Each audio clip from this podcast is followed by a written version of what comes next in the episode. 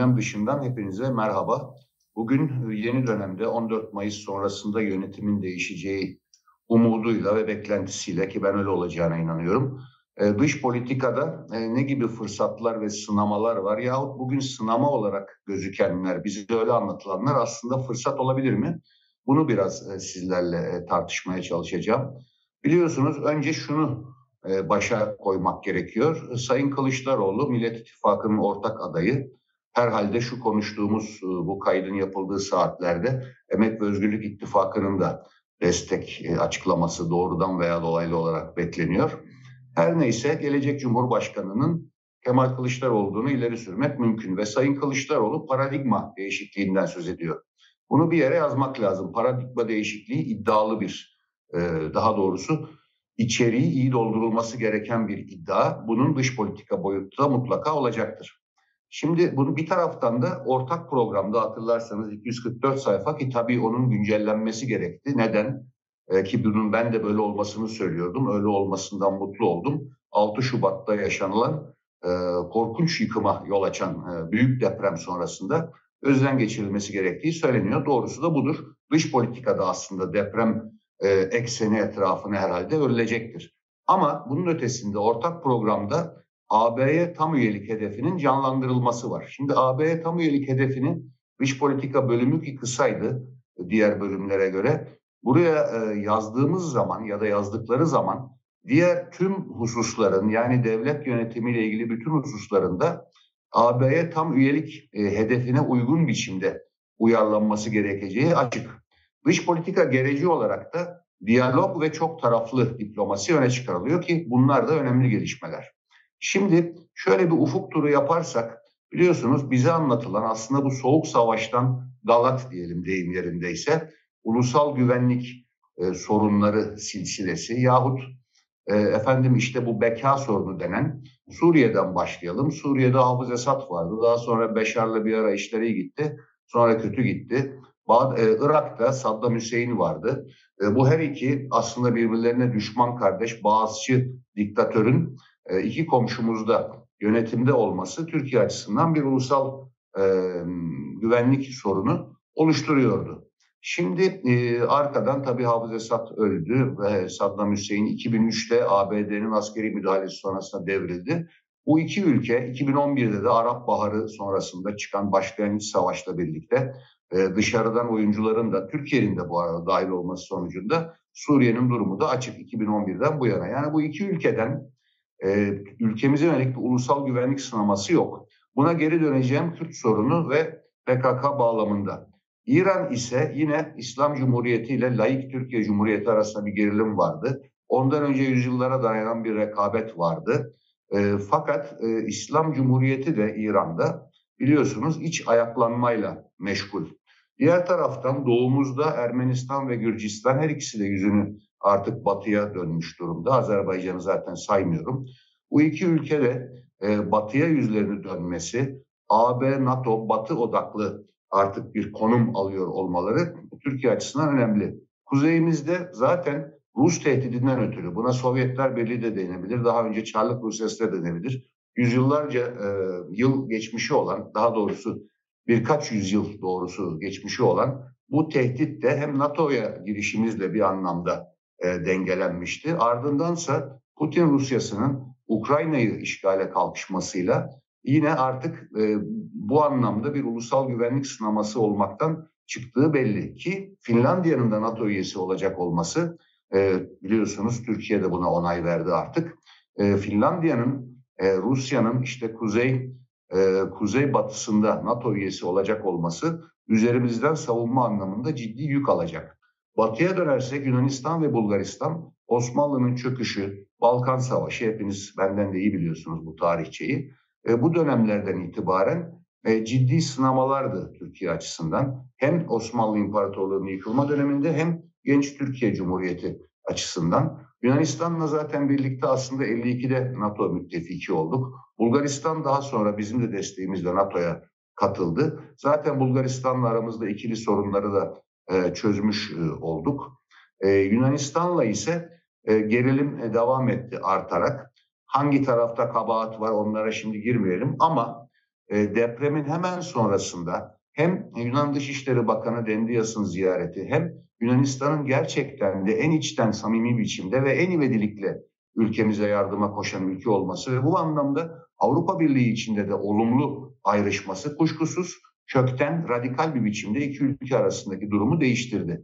Şimdi demek istediğim şu ki tekrar ortak programa dönersek tepeye e, e, AB üyeliği hedefi yazıldığında diyalog ve çok taraflı e, diplomasi de öne çıkarıldığında zaten bir anlamda çözüm yolu gösterilmiş oluyor. Bu belki pembe bir tablo gelecek size. Bu çizdiğimin içinde kuşkusuz Kıbrıs dosyası duruyor.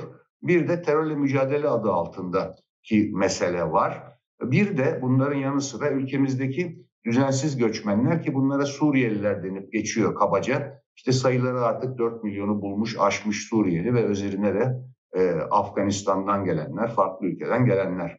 Şimdi burada bu meselenin bir AB boyutu var tabii. Göçmen konusunun, düzensiz göç konusunun. Bir de e, Esad'la yapılacak temaslar boyutu var. E, somut olarak burada yeni e, yönetimin aslında AB'den alabileceği karşılıklı alverlerle bir yine bu aslında son aşamasına gelen gümrük birliğinin güncellenmesi konusu. Bir diğeri vizesiz seyahat konusu. Vizesiz seyahat konusu zaten e, terörün tanımına takılmıştı.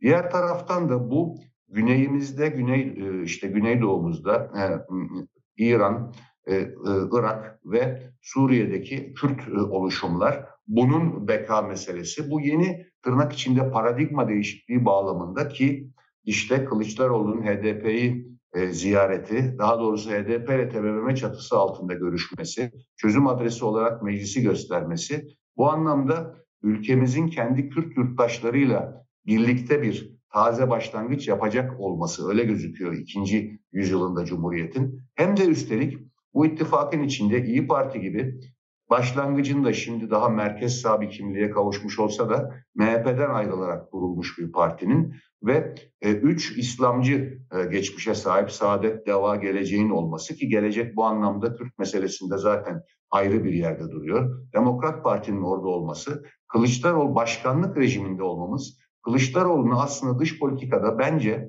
e, paradigma değişikliği anlamından tam da işte terörle mücadele anlamında sınır ötemizde Kürtlerle yeni bir işbirliği, paydaşlık yaratmak konusunda ve bunun ötesinde de Batı ile ilişkilerimizi hale yola sokmak konusunda büyük fırsatlar açıyor.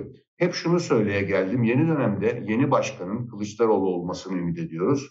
Ee, eli o kadar dolu olacak ki işte şöyle bir enkaz devralmış durumda. Düşünün 400 milyon doları aşan e, borç, dış borç, işte 120 milyar doları aşmış bir e, dış ticaret açığı, e, 150 milyar dolara artık varacağı görülen bir e, deprem hasarı. Bütün bunlarla birlikte e, yüzde yüze varmış, aşmış bir enflasyon. Bu makro dengeleri bir taraftan oturtmak, bir taraftan hane halkını rahatlatmak gibi iki ayrı yöne çekecek politikalar anlamında bir çelişki yönetmek. Bunun yanı sıra yargıda, eğitimde reform, bütün bunlarla meşgul olacak bir e, yeni başkan açısından Dışişleri Bakanı'nın Dışişleri Bakanlığı'nın yapması gereken huzurun temini, manşetleri işgal etmek, her gün her konuda bir açıklama yayınlanmak, yayınlamak, üst perdeden bağırarak konuşmak, atar gider yapmak, gereksiz bir uluslararası anlatı yaratıp onun içini doldurmak yerine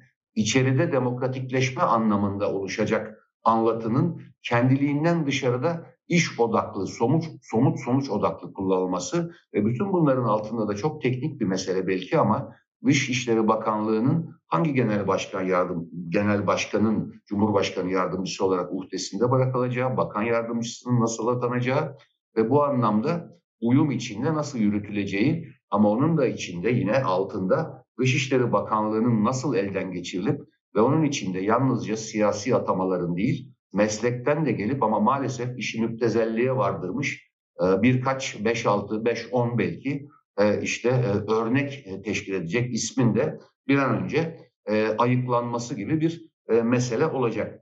Özetle söylemek istediğim şu, kuşkusuz sorunlar dağ gibi bir enkaz devralıyor. Ama dış politikada ilginç bir biçimde enkaz devralmak yerine AK Parti Erdoğan gider ayak İsrail ile ilişkileri işte m, Suudi Arabistan'la Birleşik Arap Emirlikleri ile ilişkileri hala yola koyduğu için, Suriye'ye Mısır'a açılım yaptığı için, hatta S-400'den kurtulmak konusunda bile adı açıklanmayan bir yetkili artık Roketsan'ın ürettiği Hisar hava savunma sistemi olduğuna göre S-400'e gerek de kalmadı demesi bağlamında Avrupa Birliği ile, ABD ile, Batı ile genel olarak bunun ötesinde de kendi yakın çevremizle olumlu ilişkiler yürütmesi ve işte tekrar tekrar edeyim çok tekrarladım ama paradigma değişikliği ise de AB'ye üyelik bağlamında dış politikada gerçekten e, söylendiği gibi diyaloğun ve çok taraflı diplomasinin öne çıktığı bir paradigma değişikliği, bir kökten dönüşümün e, dönüşüm için aslında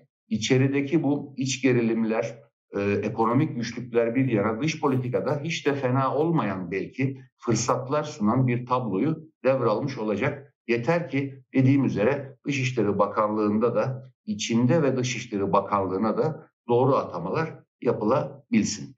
Benden bugünlük bu kadar. Haftaya çarşamba yeniden görüşebilmek umuduyla. Hoşçakalın.